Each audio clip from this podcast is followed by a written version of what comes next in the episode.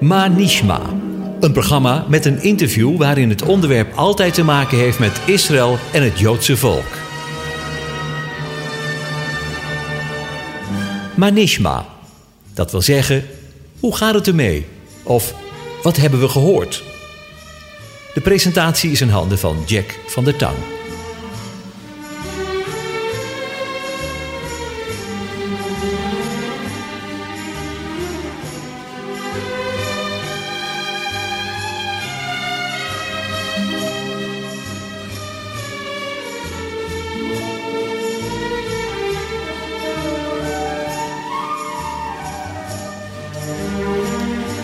Shalom luisteraars, van harte welkom bij een nieuwe aflevering van het programma Manishma. Vandaag in de studio een man die uh, een boek heeft over zijn leven. En ik, uh, ik las daarin het volgende over hem. Zij zagen in mij, dat was nog een heel stuk dat hij jonger was, zij zagen in mij een jongeman met groot geloof die een standvastig vertrouwen had getoond. Naast het noemen van mijn aangename karakter hadden ze nog een gebed dat ik volledig uitdrukking zou kunnen geven aan de opdracht binnen Gods koninkrijk. En dan schrijf je: Ik was het daar volledig mee eens. En in de studio heb ik Kees Vork. Kees Manishma. Uitstekend. Wat is je reactie hierop in je boek? Nou, dat is al van meer dan 30, 35 jaar geleden geschreven. En vaak zie je achteraf, wat, als je je leven terugkijkt, of het vervuld is. En ik vind heel veel dingen uh, terug die ik in die stellingen die toen de toenmalige hoofd van die bijbelschool neerschreef bij mijn diploma-uitreiking. Ja, dat klopt wel ongeveer, ja. ja. Je hebt een boek, uh, nou ja, jij hebt het boek niet geschreven, medegeschreven. Het is opgetekend, zo moet staat er door Joke Tan, biddend in de aanval. De avonturen van Kees Vork. En dat, dat, alleen de avonturen, dan heb ik al helemaal zin om met jou eens gewoon een paar uur even te babbelen. Ja. Um, Vertel eens eventjes, Kees, want de mensen kennen misschien jou helemaal niet. Je bent alweer uh, op leeftijd, maar ik denk dat de meesten je wel kennen. Vertel eens over uh, je achtergrond. Je komt uit, uh, dat kan ik dan wel zeggen, rooms-katholieke achtergrond. Maar hoe zit het met. je, was een voetballer, geloof ik. Ja, ik kom uit een klein dorpje in Zuid-Holland. Noord heet dat, vlakbij Nieuwkoop. En ja, ik ben opgegroeid in een gezin van negen, rooms-katholiek. Dus dat betekende dat ik de eerste jaren van mijn leven bijna elke dag naar de kerk ging, behalve op zaterdag. Dat was normaal, standaard. En uh, ja, in ons dorp, ik kom uit een gezin van negen, zoals ik al zei. En ik kom ook uit een heel groot geslacht, want mijn opa die had 24 kinderen. Dat was in die tijd 24. 24. Ik herhaal het nog even, want voor de luisteraar. Nee, nee, het, is, het is geen storing in nee, de lijn. geen storing. Mijn opa had bij de eerste vrouw had hij acht kinderen en bij de tweede vrouw 16. En de man, ik ben er één van, had 150 kleinkinderen. Ongelooflijk. Ik heb er nog nooit gehoord, zoiets. Nee, maar toen hij dus 90 werd en wij allemaal in de kerk zaten, op de kerk, uh, vertelde de pastoor, meneer Vork, u heeft uw christenplicht goed gedaan in uw leven. Dus hij zag al die vorken. Dus ja. hij had zich vermenigvuldigd. En de Rooms-Katholieke Kerk was gegroeid daardoor. Nou, dat is... Van de negen, welke was jij? Ik ben uh, met een van de tweeling.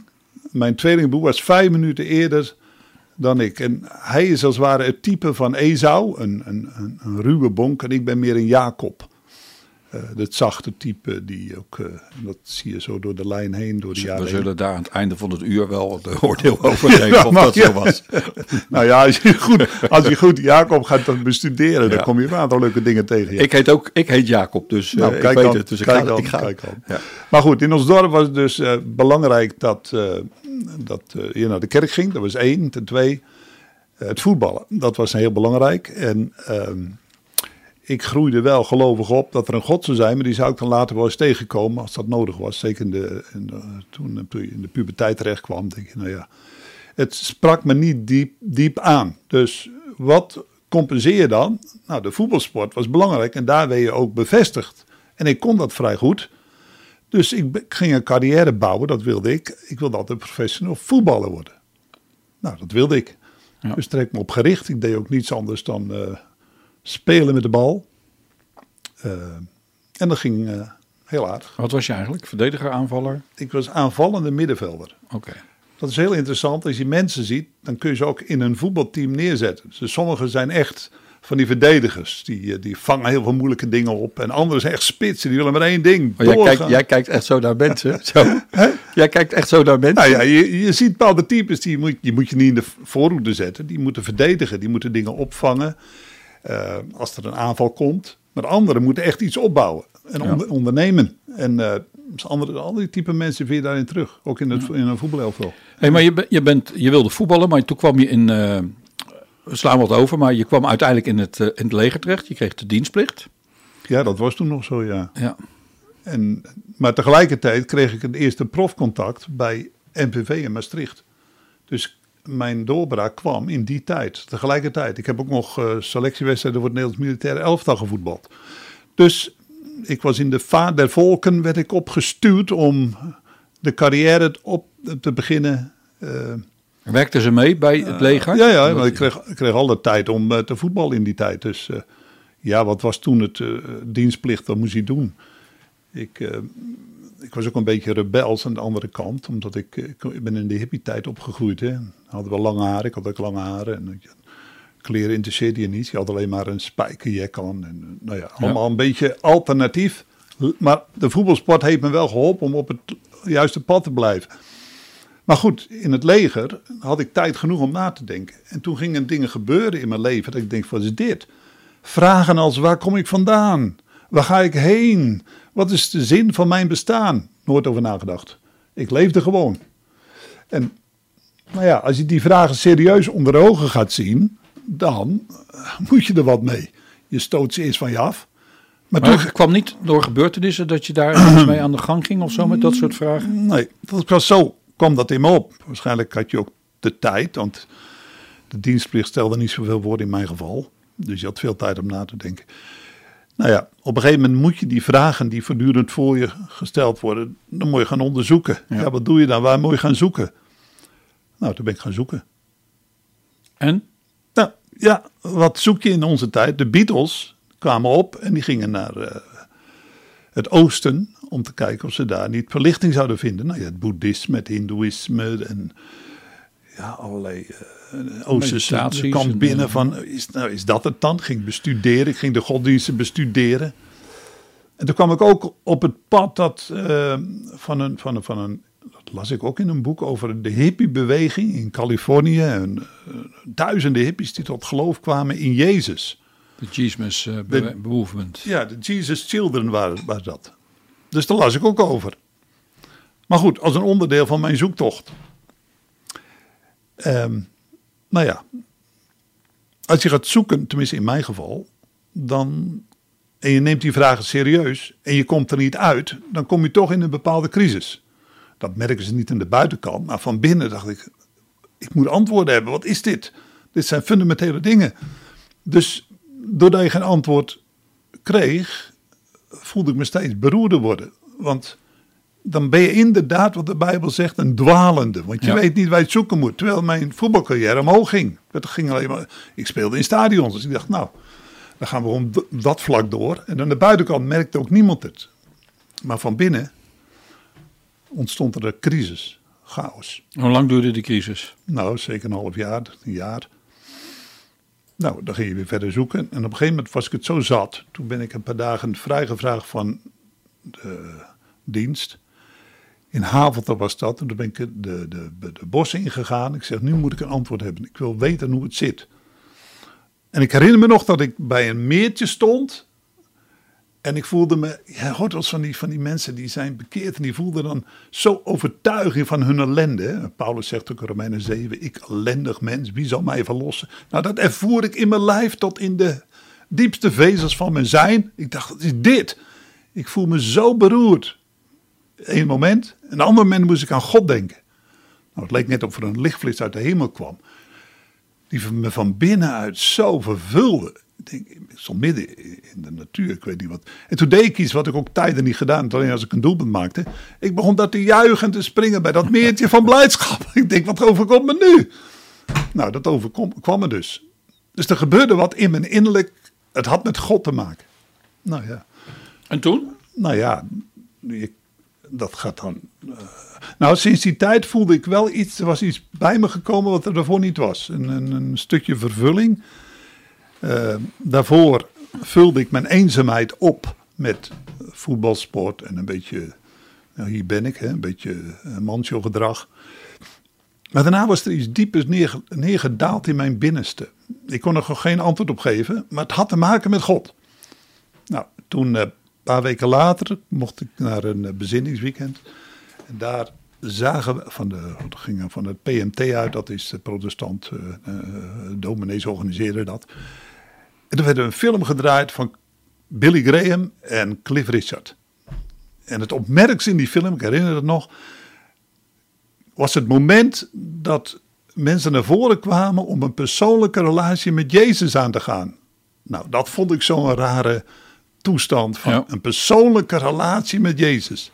Nou, toen gaan ze, ik zeg, hoe is dat, dat, dat vond ik maar vreemd. Nou, toen we daar klaar, mee klaar waren, die drie dagen, kreeg ik een kaartje mee van een koffiebar in Utrecht. En nou, iemand gaf dat, nou neem dat maar mee. Nou, twee weken later kwam ik van een verloren voetbalwedstrijd uit Kerkrade. We hadden met 2-0 verloren. En ik moest in Utrecht overstappen naar huis, naar Woerden. En van Woerden met de bus naar eh, Noorden, Nieuwkoop. Ik dacht, nou, het is acht uur. Ik ga naar die, eh, Die koffiebar. naar die koffiebar. Dat was aan de Muntkade, dat was een boot. Dus ik eh, stapte uit de trein. Toen ben ik gaan lopen, toen een kwartier lopen naar die Muntkade. En toen kwam ik daar binnen. Nou, gezellig koffie, eh, muziekje, gitaartje. Er zaten een paar mensen. Het was rond ja, acht uur, kwart over acht. En ik zat er een paar minuten. Hartelijk verwelkomd. En opeens kwam er iemand binnen, die ging naast me zitten en die had een boekje bij zich over de vier geestelijke wetten. Je hebt God, de mens, de scheiding die er was tussen God en de mens. En dan het Jezus die kwam om die brug weer te slaan tussen God en de mens. Nou, dat, die legde me dat dus uit via dat boekje. Ja, ik, ik, moet, ik moet even toch voor de luisteraars zeggen, want ik vind het zo apart dat ik nou bij jou zit. Ik ben vanmorgen op pad geweest met eh, Rob Berns. Ja, die Rob was het. En die was het namelijk. Ja, maar die, ik zat met hem in de auto, we waren in Amsterdam samen even. En eh, toen zei hij van, eh, doe je Kees de hartelijke groeten. Ja. En dat zei hij een paar keer. Vergeet je het echt niet, Jack. Om, Nee. Maar ik snapte niet. En ik zit het boek nog even door te bladeren. En ik zie ineens staan zijn naam. Nou. En nou heb jij het erover. Ik vind het wel heel grappig. Ja, grappig. Ja. ja, hij moest die avond daar zijn, zei hij. Dus hij leidde mij in een stukje basic evangelie. Maar de laatste vraag was, eh, wil je ook Jezus toelaten in je leven? Ik zeg, natuurlijk. Ik was er helemaal klaar voor. Dus heel stuntelig toen gebeden. Want Ja, bidden kon ik alleen maar van Onze Vader en wees gegroetjes. Maar moest je dus zelf bidden. Nou, toen heb ik dus zelf op mijn bescheiden manier op dat moment, je wist echt niet hoe het moest, gebeden. En toen heeft, eh, toen, nou ja, dat was allemaal binnen een kwartier gebeurd. En toen ben ik later naar huis gegaan. Eh, en Rob Berends, die zou mij dus begeleiden een aantal weken. En dat heeft hij gedaan. En zo eh, ben ik, heb ik de eerste stappen gezet op dat leven met Jezus. Mer- Merkte jij een verandering nadat je had gebeden en Jezus had toegelaten in je leven? Nou, ik voelde meer een bevestiging van datgene wat ik in dat bos had meegemaakt. Ik, toen had ik een ervaring, maar nu kwam dus de inhoud van die ervaring werd veel concreter. En het was voor jou ook duidelijk dat het deze God was en niet een van die andere goden die je ook had eh, onderzocht? Ja, dat was voor mij duidelijk. Ik had er ook geen vragen meer over. Ik werd ook niet door andere ideeën beïnvloed. En zo heeft hij mij ingeleid, want de schrift kende ik ook niet, de Bijbel. Die moest ik ook helemaal leren. Want in de katholieke kerk hoorde je wel het evangelie van de preekstoel, maar je had zelf geen Bijbel in huis. Dus heeft hij me ingeleid in de beginselen vanuit de schrift. Dus toen ben ik de Bijbel gaan leren kennen en liefhebben. Nou, dat heeft een paar weken geduurd. Of een paar maanden, zelfs twee maanden. En toen kwam ik uit dienst. ik kreeg een nieuw contract. Bij MPV speelde ik. Ik zou daar dus eh, klaargemaakt worden voor het eerste team. Maar ja, wat ga ik doen met mijn leven verder? Eh, ga ik door met de voetbalsport? Of ga ik wat anders doen? Of ga ik... Nou, toen bad ik, herinner ik me ook nog, heel stuntelig. Nou, ik weet, Heere God, dat u leeft. Dan wil ik ook helemaal gaan. Nou, hij hoort gebeden, maar hij verhoort ze ook. Dat weet ik nu nog beter dan toen. En zo werden we geleid naar een eh, stichting in de ruimte. Daar ben ik bij Rob geweest. En daar hadden ze een drukkerij. Daar drukten ze de Goede Herder. En ik had een opleiding gevolgd uh, in offsetdrukker. Dus ik, en die, die, die, die, die drukbest die daar stond, die kon ik zo gebruiken. En ze hadden iemand nodig. En we ervoeren, toen we daar waren, dit is de plek waar God me eventueel zou kunnen gaan inzetten. Maar ja, ik kreeg de eerste crisis, want mijn vader was mijn grootste supporter. Heel het dorp, ik had in de krant gestaan, ze hadden gehoord over, hij gaat het prof uh, carrière maken. Dus toen kwam ik uit dienst en dan moest ik gaan kiezen. Nou, dat is een crisis, want wat ga je doen? Ga je alles in de ruimte waar, we dus, waar ik dus naartoe zou kunnen gaan, dan kreeg je kost aan inwoning. En uh, met z'n zessen moet je dus in een kamertje samen gaan wonen. Maar goed, wat doe je dan? Dan heb ik gebeden, op een gegeven moment moest ik kiezen. Ik zeg, ik ga nu fietsen en ik wil vanavond weten, heer, hoe het zit. Wat moet ik doen? Nou, ik ga fietsen, 60 kilometer gefietst. En ik was halverwege, ik keek uit over de weilanden. Fantastisch. In, in de buurt waar ik woon, dat is in Woerden omgeving. En toen sprak God tot mij. Zo ervoer ik dat in mijn geest. Ja. En hij zei, kies maar. Je mag zelf kiezen. Ik dwing je tot niks. Je mag best de voetbalwereld ingaan. Voetbal is niet verkeerd. Maar je mag ook die andere kant gaan. En dat heb ik tot aan de dag van vandaag. Ik heb nog nooit gemerkt dat God mij dwingt tot iets. Hij biedt aan en dan kijkt hij of ik daarop in wil gaan, ja of nee. Ja. Nou, ik stond daar en toen zei ik, oké, ik ga voor u.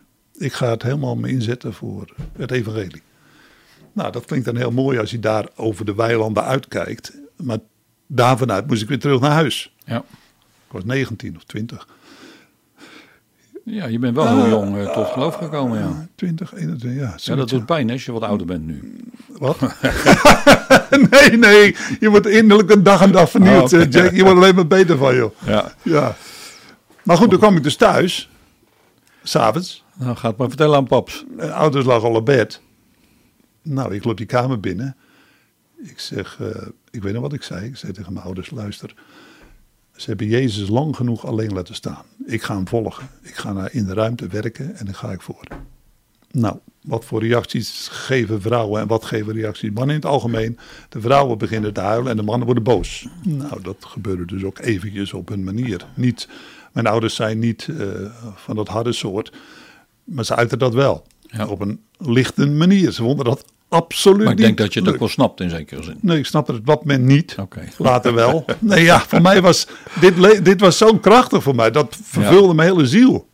Dus toen liep ik terug naar mijn kamertje en ik had een klein rood bijbeltje van Rob Berens gekregen. Want ik moest die bijbel leren kennen, Nieuw Testament.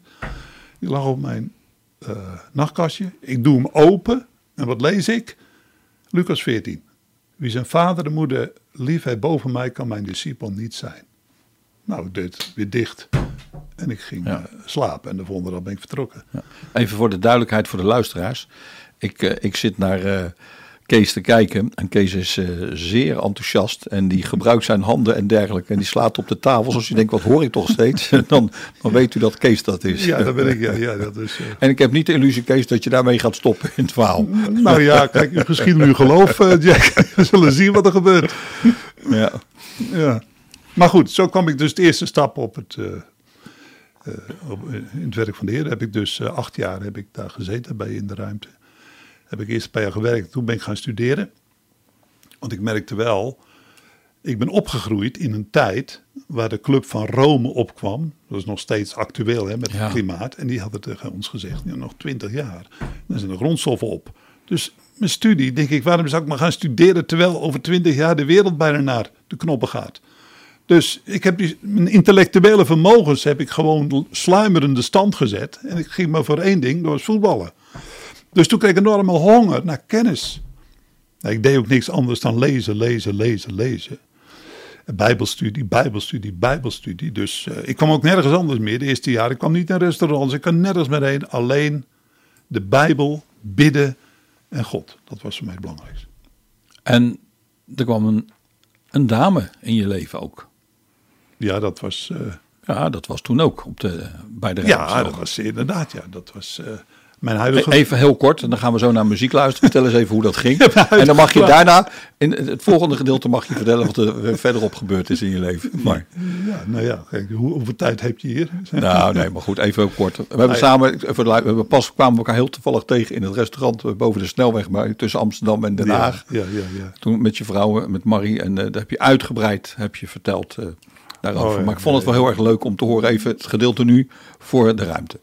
Nou ja, mijn vrouw studeerde daar ook, dus wij ontmoeten elkaar. En nou ja, uh, zij, was, zij is opgegroeid in een christelijke achtergrond in, in, uh, in Oldenbroek.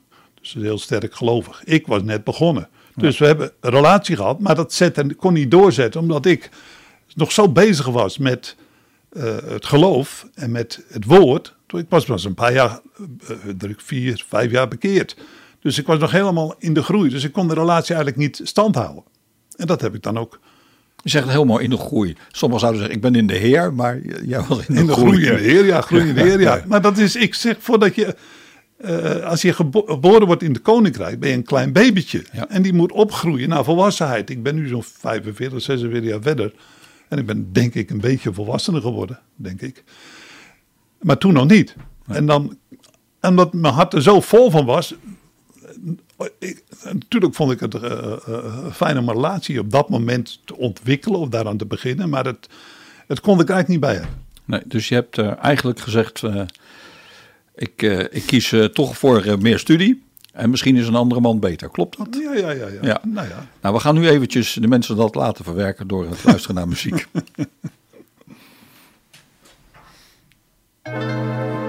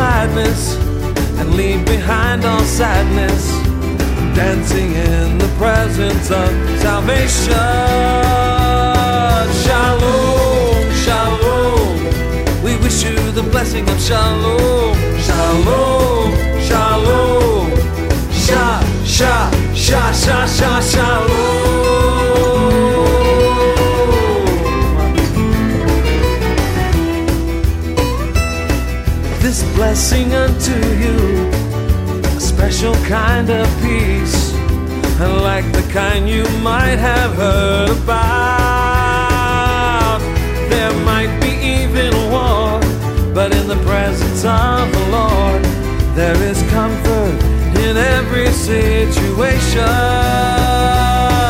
Shalom, shalom. We wish you the blessing of shalom, shalom, shalom. Sha, sha, sha, sha, sha,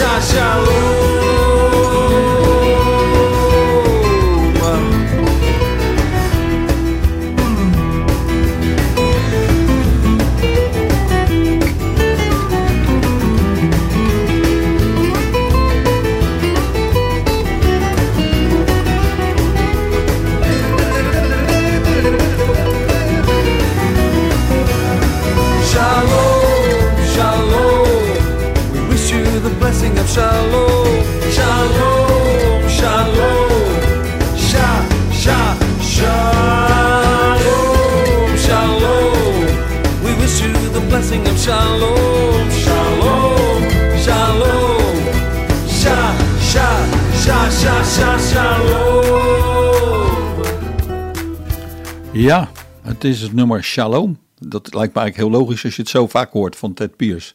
Ja, Vind je het wat? ja prachtig. Ja. hey, we hebben het net gehad uh, over eh, Marie, maar we gaan eerst even verder voordat we daar later weer op terugkomen. Wat is er gebeurd eigenlijk nadat je klaar was bij de, de Bijbelschool in de ruimte? Acht jaar gezeten, ik vind het heel wat. Wa- Waren er wel meer die zo lang daar hebben gezeten? Of, eh, Nee, je had een driejarige opleiding. Eh, en ik heb twee jaar daar dus gewerkt in de staf. En daarna ben ik studiebegeleider geworden. En ik begon in het land ook te spreken. Dus zo ontwikkelde zich. eh, dus ik bleef nog bij In de Ruimte. Het was een gemeenschap met een 70, 80 mensen. Met allerlei takken van bedieningen. En eh, ik ging dus de studenten helpen. Dat heb ik anderhalf jaar gedaan. En toen werd mij gevraagd om naar Amerika te gaan om het werk daar te gaan promoten. Herman Terwel is de grondlegger van dat in de ruimtebeweging. En in Amerika had je eh, Open Doors bijvoorbeeld, dat was toen kruistocht. eh, Anne van der Bijl, die kwam ook daar geregeld bij eh, Herman Terwel en Corrie ten Boom. Die hadden dus ook takken in Amerika. Ja. En in de ruimte wilde dat ook. En ze hadden iemand nodig die daar dus vertegenwoordiger zou zijn. Nou, dat werd mij gevraagd of ik dat zou willen. Nou, toen ben ik daar naartoe gegaan. Heb ik daar een jaar heb ik daar rondgereden. Om dat werk te promoten met toen nog, schrik niet, dia-series. Dat was toen eh, de moderne, ik weet niet hoe lang het geleden is, in de jaren Ja. 79, 78, jaren 80. Rond die tijd. En daar heb ik dus een jaar door Californië heen gereden. Van Long Beach tot en met eh, Lancaster en eh, San Diego tot Los Angeles. En daar heb ik in veel gemeenten mogen spreken over. Je dat een mooie tijd ook? Ja, dat is, ik was single, dus ik kon, had alle tijd. En ja, het was eh, een enerverend gebeuren. Want het, ik, ik kwam bijvoorbeeld, eh, toen ik in de ruimte zat, ik kwam niet in restaurants. Ik kwam nergens, want dat vond ik allemaal een beetje werelds. Maar ja, daar sprak ik in kerk. En wat deden ze na zo'n dienst? Ga je mee Gingen ze naar, naar, naar, naar de ijssalon en naar de, naar, de, naar de restaurants. En daar was restaurant heel normaal. Dus ik moest er even aan wennen aan het, eh, in mijn ogen, een beetje werelds gebeuren. Maar ja, ik heb natuurlijk heel veel geleerd daar. Want je zag al die, eh, ik kwam hele grote kerken die daar... eh, en, en tv-programma's en van alles was er op televisie. En ja, dat was gewoon een oase. Maar ik merkte ook dat door die jaren heen dat ik dingen had meegemaakt... En in mijn wandel met God, dat was pas acht jaar, acht, acht, negen jaar. Dat ik ook al wat te bieden had. Want ik dacht, die Amerikanen hebben alles. Maar ja, toen ik daar in huizen kwam en ik sprak met mensen, hadden wij ook al wat te bieden. Het wil niet altijd zeggen dat het is allemaal zo geweldig aan de buitenkant. Maar nou ja, goed, dan hadden we dus... Ik heb een hele goede tijd gehad. Ik heb ook een aantal cursussen gevolgd. eh, over verschillende dingen. Dus het was heel eh, zegenrijk om daar een jaar te zijn. En toen kwam ik terug. En toen werd mij gevraagd om bij een baptistengemeente te gaan werken. En wat mij opviel in Amerika was er een hele beweging van gebed. Georganiseerd gebedsbeweging. Nou, dat kende ik in Nederland niet. Nee. En toen ben ik betrokken geraakt bij de gebedsbeweging, omdat ik geïnspireerd was door wat ik daar zag. Georganiseerde gebedsbewegingen. En dat was heel serieus genomen. Ja, ik bad natuurlijk ook al heel wat, maar georganiseerde gebedsbeweging, dat kende ik niet.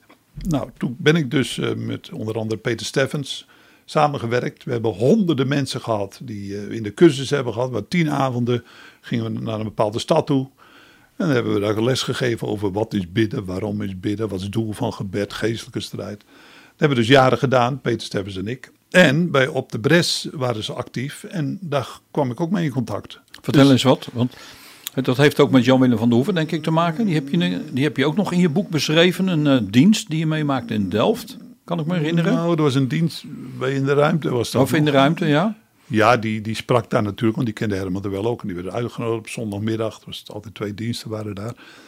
En die sprak toen over eh, het oordeel van God wat zou komen uit Ezekiel 7. Het einde komt.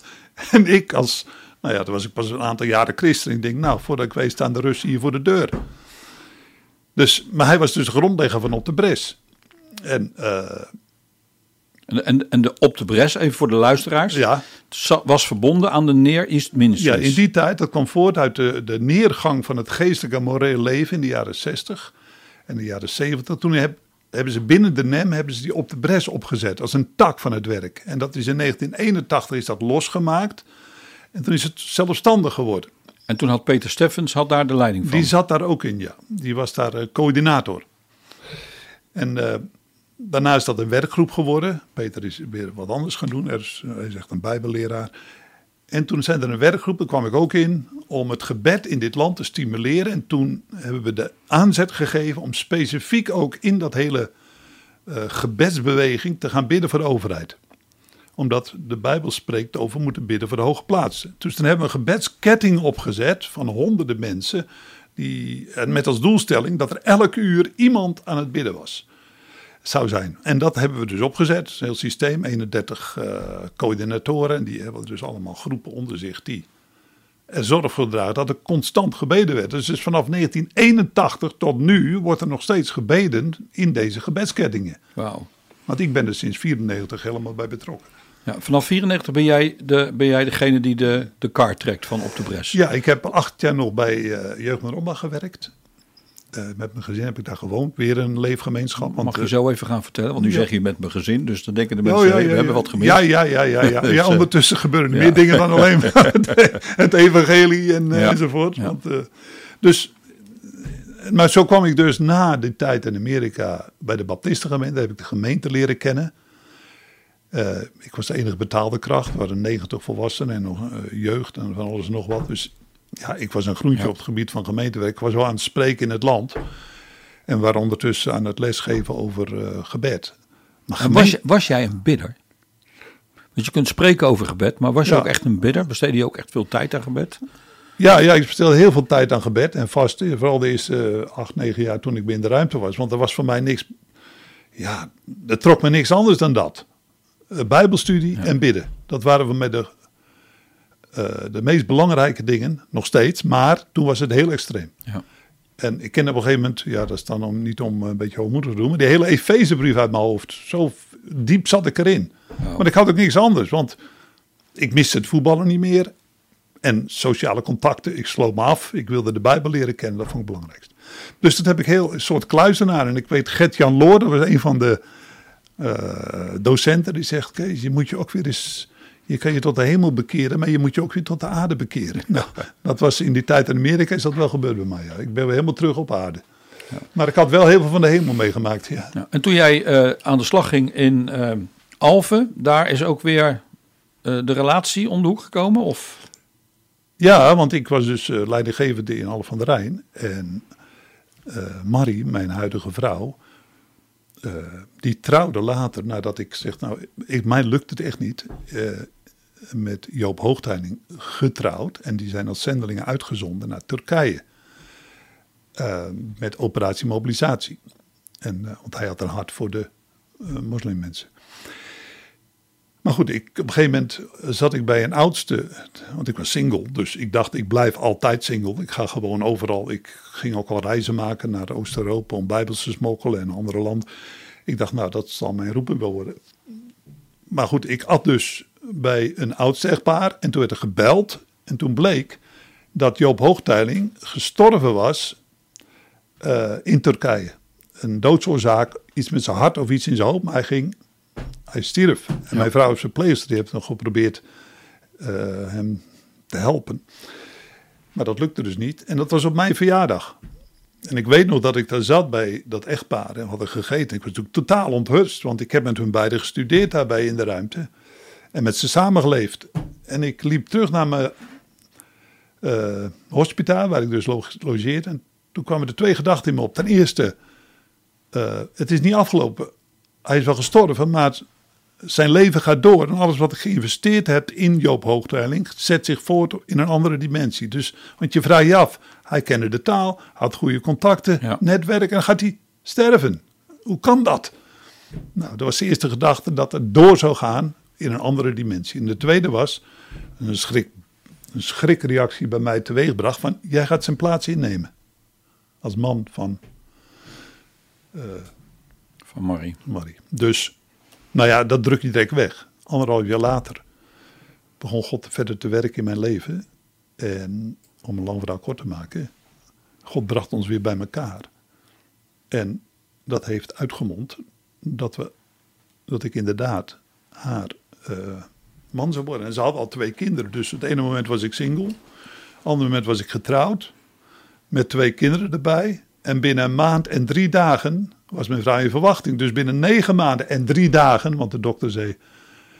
Ja, Kees, zal die tijd zijn. Ik zeg, dat kan niet, want na negen maanden en drie maanden pas. Dus eh, na negen maanden en, en drie dagen kwam onze eerste. Dus had ik er drie binnen een jaar tijd. Dus ik was een spoed... En had ik nog een gemeente waar ook allerlei dingen aan de hand was... waar me volle aandacht aan gegeven moest worden. Dus ik zat in een hoge drukpan. Ja. Nou, ik, ik vind het heel bijzonder om, om dat zo te horen. Jullie hebben het samen toen verteld. En eh, wat langer dan nu, maar een bijzonder getuigenis. Hey, ik wil eh, weer verder gaan, want daarvoor zit je hier ook. Ehm, jij kreeg op een gegeven moment de leiding. Hoe, hoe heet jouw, eh, officieel jouw positie bij Op de Bres? We hebben het nou al eerder gehad over ook- titels. Hè? Ja, nee, ja. Jij houdt niet van titels, maar je, bent, je bent niet eh, Kees Vork van Op de Bres. Je, bent, je hebt wel de leiding.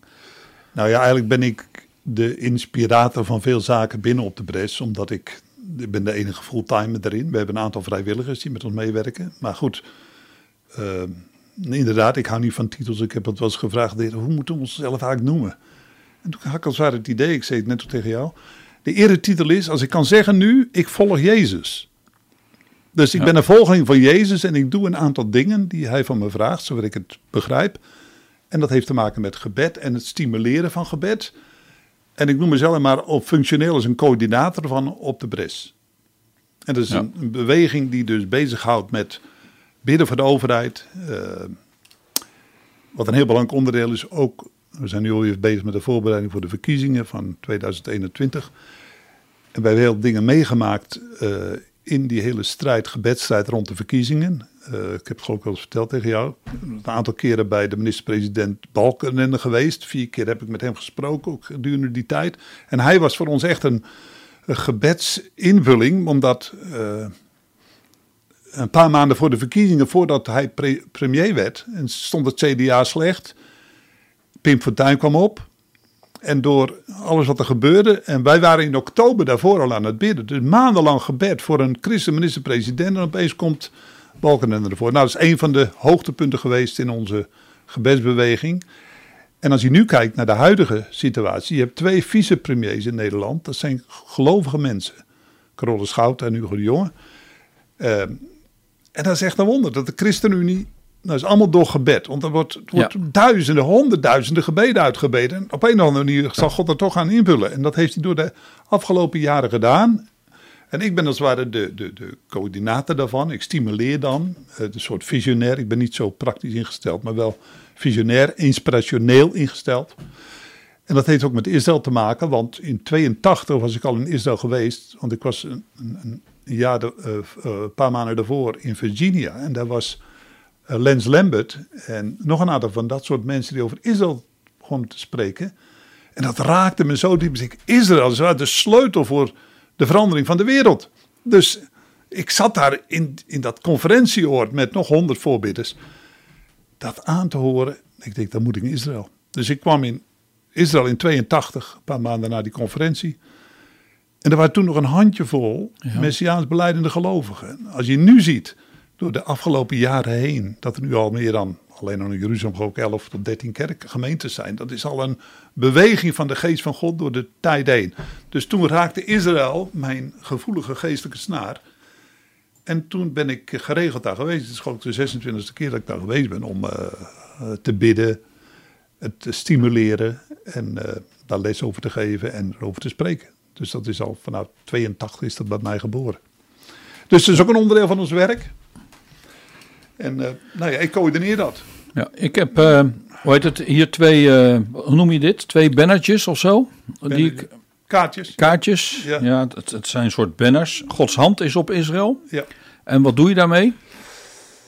Nou, ik zat vorige week al bij Herman Boom met die bidden en vasten met 550 mensen in Aalsmeer.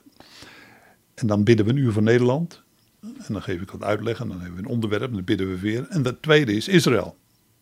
Dus die twee kaartjes, boekenleggers zou je kunnen zeggen, of eh, banners, die deel ik dan uit. Honderden, honderden mensen nemen dat mee als een herinnering. Dus Oké, Gods hand is op Israël. Want het grootste gedeelte van het lichaam van Christus is nog niet bewust van het feit Nee. dat Israël zo'n belangrijke rol speelt in Gods strategie. En Gods, mag ik zo zeggen, politieke programma. Dus dat is een herinnering. En dan wordt er echt krachtig gebeden, want die mensen zijn dagen aan het vasten en bidden. En dan geef ik ze zo'n eh, zo'n banner mee. Ja. Nou heb je de andere banner is met de Nederlandse vlag. Ja. En daar staat op Nederland keert terug naar God. Ja. Ehm, en dat, is- ik zeg het goed hè, Nederland keert terug naar God. Ja. Want dat is heel belangrijk op de manier. Niet Nederland alsjeblieft keert terug tot God. Nee, Nederland keert terug tot God. Vertel daar eens wat over. Nou ja, bijbels gezien eh, zie je dat eh, Nederland juridisch, geestelijk gezien, in Gods oog in wezen al van Jezus is. Waar we nu mee bezig zijn, is we zijn op weg naar de vervulling van wat daar staat. Omdat uiteindelijk als Jezus terugkomt, zal heel Nederland buigen voor eh, hem. Dus Nederland keert altijd terug naar God op lange termijn. En wat je nu ziet is tekenen waar zijn koningschap, bijvoorbeeld in de politiek of in de, dan zie je zijn, zijn de werkelijkheid van zijn koningschap Maar al. hoe leg je dan uit, eh, Kees, dat als we nu kijken naar eh, bijvoorbeeld eh, partijen, naar de abortus, naar alle goddeloze beslissingen die er zijn, als we zien dat het land eigenlijk steeds verder keert, hoe kun je dan zeggen, we zijn eigenlijk juridisch al, al zover dat we eigenlijk van hem zijn, van koning Jezus? Nou, je, dat zegt. je hebt de, als je het juridisch bekijkt, kun je het aardse juridisch bekijken. Maar hemels Jeruzalem, eh, hemels juridisch, betekent Ja. dat in de hemel dit al een feit is. Daarom zegt hij ook, mij is gegeven alle macht in de hemel, maar ook op de aarde. Dus in de hemel, het wetboek wat daar staat, de grondwet is dat Jezus Heer is van elke natie. In principe.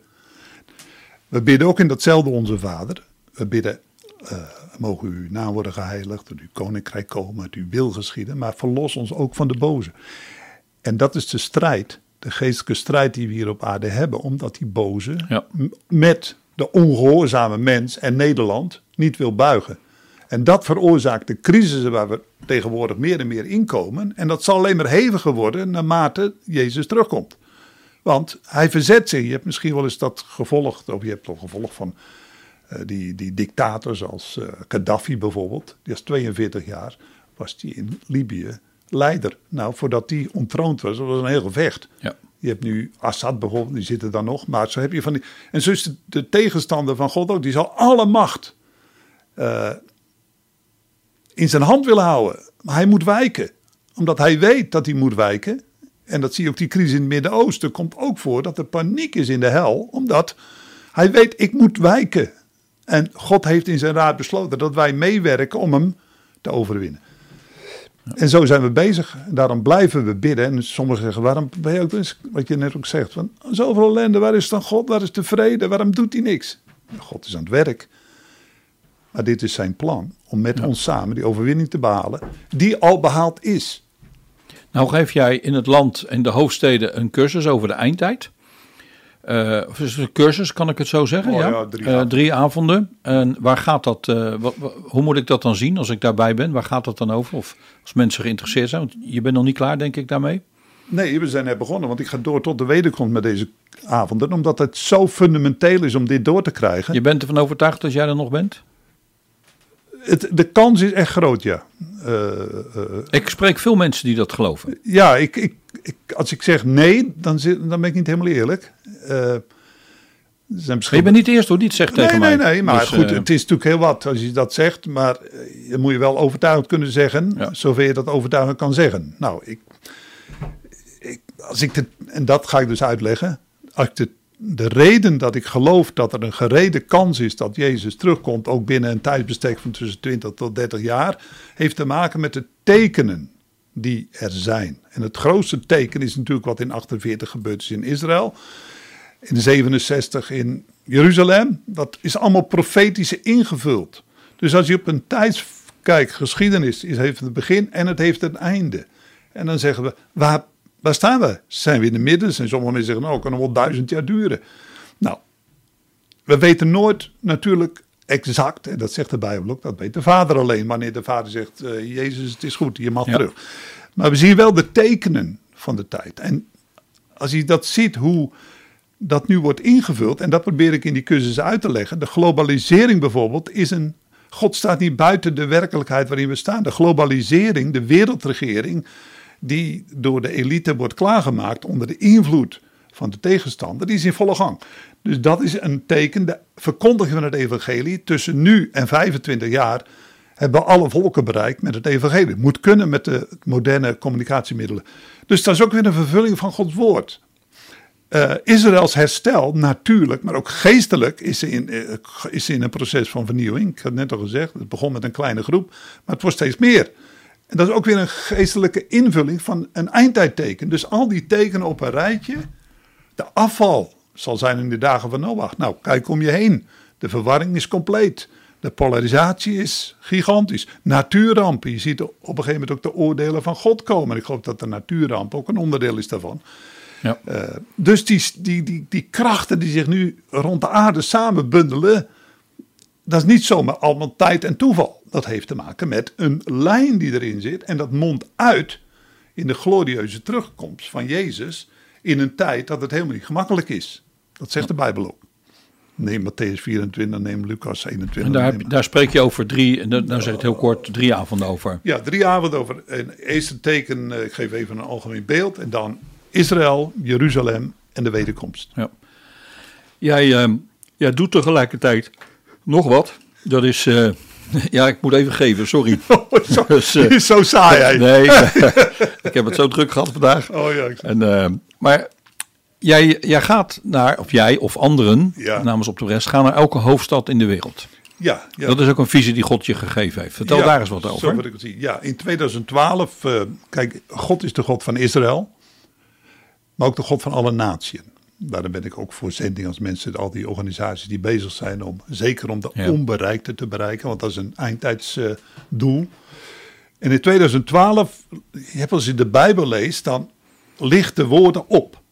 Eh, dat zijn rema-woorden, je hebt gewoon de, Ja. de, de Bijbel. Ik denk dat veel mensen dat wel herkennen. De Rema-woorden. Ja, dat zegt, hey, dit spreekt zo diep op mijn hart, op mijn geest. En toen moest, moest ik lezen in Psalm 96, gaat ook over de wederkomst, maar er stond, staat ook in, zegt onder de volken, de Heer is koning. Nou, dat is een proclamatie. Zegt onder de volken, de Heer is koning. Je kan ook teruggaan naar eh uh, uh, Jezaja 62, heft de banier op boven de volkeren. Nou, God is de God van alle volkeren. En toen hebben we nagedacht van hoe gaan we dat nou praktisch maken. Conclusie, hoofdsteden zijn als het ware de hoogten van een land. Wie de hoofdstad in zijn hand heeft, of in zijn handen heeft, die heeft grote macht over een land. Ja. Nou, toen hebben we deze conclusie getrokken. We gaan naar alle hoofdsteden van de wereld en we gaan naar het centrum van de hoofdstad. We nemen een kaartje mee, er staat die tekst op. We geven nog tien teksten over het koningschap van Jezus. En die proclameren we in elke centrum van elke hoofdstad van de wereld. Dat was in 2012 zijn we daarmee begonnen. Nou, toen dacht, hoe moet dit? Het zijn 193 landen overeenkomstig de Verenigde Naties. Eh, En je hebt nu... nou ja, we zijn net deze week kwam er een, een tweetal terug. Soms gaan ze met z'n tweeën, soms met z'n vieren, soms met z'n, eh, met z'n- met z'n drieën en dan weer kleine teams. En die gaan dus dat doen. We zijn net terug uit eh, Belgrado, Servië. En een ander kwam net terug uit Botswana en Windhoek. Dat is in eh, Namibië. Namibië. En er zijn nu 96 hoofdsteden gedaan. 96. 96. Dus dit jaar ga je de 100 halen. Ja, dit jaar gaan we het 100 halen. En we hebben gezegd, we gaan door tot 2030. Dus 2030 sluiten we af. En ik geloof dat 2030 een belangrijk jaar is. Weet ik niet, kan niet goed uitleggen, maar dat geloof ik. En dan zijn we klaar met, hebben we overal dat zaad gez- neergezet. Wat natuurlijk in de ogen van de wereld niks voorstelt. Maar geestelijk gezien, Ja. het koningschap van Jezus, dat is waar het uiteindelijk om draait. Alles gaat naar dat moment toe. Eh, nou, vandaar doen we dit ook. Ja. Nou, ben, nou ben ik even nieuwsgierig, en dat is een persoonlijke vraag. Ehm, Nederland is natuurlijk een belangrijk land voor ons, omdat wij er wonen. Maar het is ook. Eh, nou is Amsterdam de hoofdstad. Maar wij hebben een ander land dan eh, alle andere landen, omdat bij ons de regering niet in de hoofdstad zit, maar in Den Haag. Wat is volgens jou dan de belangrijkste stad? En pas op, hè, er zit hier een Hagenees tegenover je. Dus, eh, nee, ik, ben ja, ja, ik, ben ja. ik ben echt wel benieuwd hoe jij dat Ja. dan ziet. Als jij nu eh, in het buitenland was en je zou... Waar ben je geweest met de kaarten? Want je hebt het in Nederland al gedaan. Waar heb je het gedaan? Ik? Ja? Stuk of 15 steden, eh, Londen. Nee, maar waar heb jij het in, in Nederland gedaan? Oh, in Amsterdam. Ja, waarom niet Den Haag? Nou, Den Haag en Amsterdam, die staan niet tegenover elkaar. Ze hebben alle twee een eigenheid aan eh, eh, rol. Je kan Amsterdam niet vergelijken met Den Haag. Den Haag heeft een andere. Dus dat, datzelfde zeggen ze wel eens. De, zeggen ze wel eens. Uh, uh, kerk en staat zijn ook. dat zeggen ze dan. Kerk en staat zijn. Moet je scheiden. Ik zeg, die moet je niet scheiden. Die moet je onderscheiden. Je hebt de overheid met de verantwoordelijkheid. En je hebt de kerk met de verantwoordelijkheid. Zo is het ook met steden. Den Haag heeft een eigen roeping en bestemming. En Amsterdam ook. Als een verloste Amsterdam door Jezus op gaat reizen, dan krijg je een fantastische stad. Ja. En Den Haag is natuurlijk, heeft weer een andere inhoud. En als je de voorbidders zie je die voor die stad bidden, die weten dieper wat God met deze stad wil. Ja. Maar dat gaat ook Amsterdam. Dus ik wil ze niet tegenover elkaar stellen. Oh, ze hebben allemaal een bepaalde rol. We, komen al redelijk aan het einde van het programma. Ik ga toch nog even over Amsterdam met je praten. Want ik kan uh, herinneren dat jij. Ik, wanneer was dat? 2006. Je weet toch gelijk waar ik het over heb. In 2006 heb je bij de Dam heb je, uh, gestaan en heb je het een en ander gedaan. Ga je zo vertellen? Wat heb je daar gedaan eigenlijk? Nou, ik was, ik was in Jeruzalem in een hotel en toen ervoer ik zo'n bewogenheid over Amsterdam. Maar ook vanwege. Amsterdam is natuurlijk een prachtige stad, maar hij vol met zonde. Sommigen zeggen Sodom en Gomorra. Ja. De onreinheid is daar gigantisch. Het, de, de satanisme zit daar. Dus uh, ik voelde in mijn hart, ik moet daar naar het centrum van Amsterdam, in 2006 is alweer 14 jaar geleden, om het oordeel aan te zeggen, tenzij ze zich bekeerden uh, zouden bekeren. Dus we hebben het oordeel aangezegd. We zijn naar de Dam gegaan, de man of 15 waren er. Het avondmaal gevierd als teken van er is een uitweg, maar de kale boodschap was: het oordeel komt. Dat was Amsterdam. En het oordeelsboodschap, uh, wat de profeten ook moesten doen, is natuurlijk niet zo populair. Ik kreeg er ook niet altijd prettige reacties op. Daar wil ik zo wat over zeggen. Ja. want dat was dat was voor toen, zeggen mensen dan. Dat is nu niet meer, want nu is de verlossing door Jezus. Maar God uh, roept nog steeds profeten die op een gegeven moment door de geest van God mensen moeten aanzeggen dat ze zich moeten bekeren, want anders gaat het echt fout. Zo kun je ook steden aanroepen. We hebben het ook gedaan. Ik heb een paar profetieën over Nederland gehad die echt niet prettig waren om te lezen. Staat ook in het boek trouwens. Ook naar de ramp in Enschede de, de, de, de, de polarisatie in de politiek. Er is nooit zoveel verwarring geweest en zoveel uh, uh, discussie hoe het allemaal nu moet in dit land. Er is een toename van de afgelopen 10, 15 jaar van. En God is daarbij betrokken. En als wij dus zaaien, dan ga je oogsten. Maar God, en dat zie je ook, hij roept altijd weer profeten die oproept. Bekeer je, je kan altijd terugkeren naar mij. Dat gaat ook voor individuen. Dus Amsterdam werd even aangesproken. Ja. Nou, ik, ik weet nog dat er mensen bij mij kwamen praten. En die vroegen of, uh, of, niet, of het niet goed was met jou en zo. En uh, waarom doet hij dat? En uh, die hadden daar heel veel moeite mee. Toen zei ik, nou, ik zeg, ik ken Kees wel een beetje. En Kees is een vader, heeft kinderen, is een gewone man ook. Ik denk ook niet dat hij daar voor zijn plezier heeft gestaan. En dat hij dit doet echt als God hem gestuurd heeft. Dus ik zou me daar niet zo druk om maken. Um, twee dingen nog voordat we gaan afsluiten. Wat denk jij, is er gebeurd nadat je dit hebt gedaan? Heb je iets gezien in Amsterdam? En in het kort, wat zie jij de komende tijd gaan gebeuren? Heb je daar ook een openbaring over, over bijvoorbeeld de verkiezingen? Ik ben zelf heel erg enthousiast over uh, de SGP, de ChristenUnie. Um, je weet, ik ben bevriend geraakt. Hij is hier pas geweest met Apple Bruins, een bijzondere godsman. Ik moest lachen. Ik heb een keer tegen hem gezegd toen we bij, ergens waren bij een gelegenheid. En die sloeg mijn arm omheen op het podium deze man, stel eens voor dat hij de premier van Nederland wordt en hij heeft de capaciteiten ervoor. Toen kreeg hij na de hand heel veel profetieën dat hij de nieuwe premier zou worden. Ik dacht bij mezelf, nou, dat zou wel heel mooi zijn. Maar heb jij een. Uh, wat, wat, wat is jouw uh, indruk wat de Heer tegen jou zegt? Nou, even terugkomen naar Amsterdam. Voordat, als je dat ziet in de profeten, die spreken in het oude verbond, de vervulling van die oordeelsboodschappen, die was niet van de een op de andere dag. Dat duurde tientallen jaren voordat dat vervuld werd. Ja. Nederland staat aan de vooravond van een keus. Er wordt gebeden voor bekering. We hebben jaren gebeden voor de bekering van dit land. Nou, dat wil niet zeggen dat het automatisch gebeurt. Deze komende zeven jaar, dat is mijn overtuiging, worden bepalend wat Nederland gaat doen. We blijven bidden voor die bekering, zoals ongetwijfeld ook onze profeten in het oude verbond gebeden hebben, Ezekiel en, en Jezaja. En, en wij bidden voor dit land, voor bekering, maar dat, En als we bidden voor bekering, gaat de Heilige Geest werken. En dan komt er een moment of het land kiest voor of tegen. En ik geloof dat we nog één grote kans krijgen dat Nederland gaat kiezen voor God. Er zijn veel mensen die profiteren en hebben geprofiteerd dat Nederland tot bekering komt. En dan wil ik niet zeggen 100%, maar dat er een grote opwekking komt, laat ik het zo zeggen. Heb jij dat zelf ook gehad?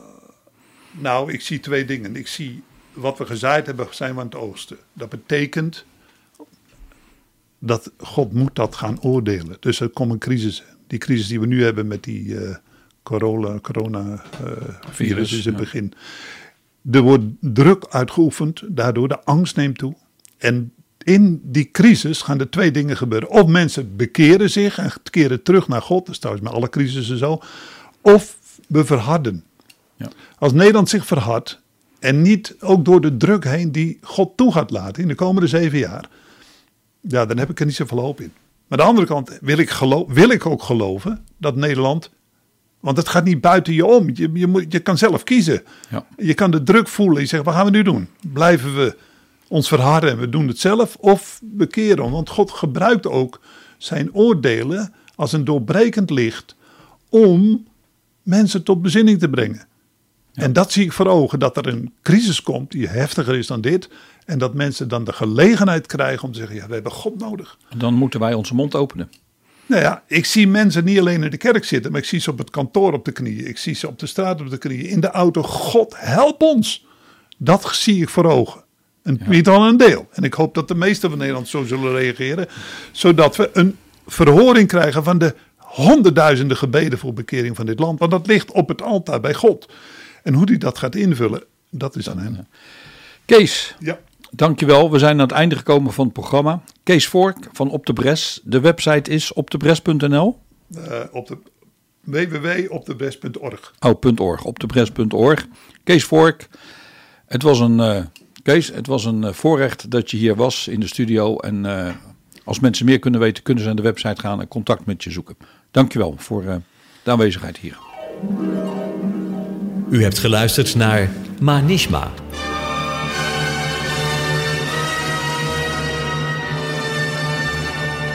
Een programma met een interview waarin het onderwerp altijd te maken heeft met Israël en het Joodse volk. Presentatie Jack van der Tang. Wilt u het programma nog eens naluisteren? Dan kan dat. Ga naar radioisrael.nl en klik onder het kopje radio op Uitzending gemist.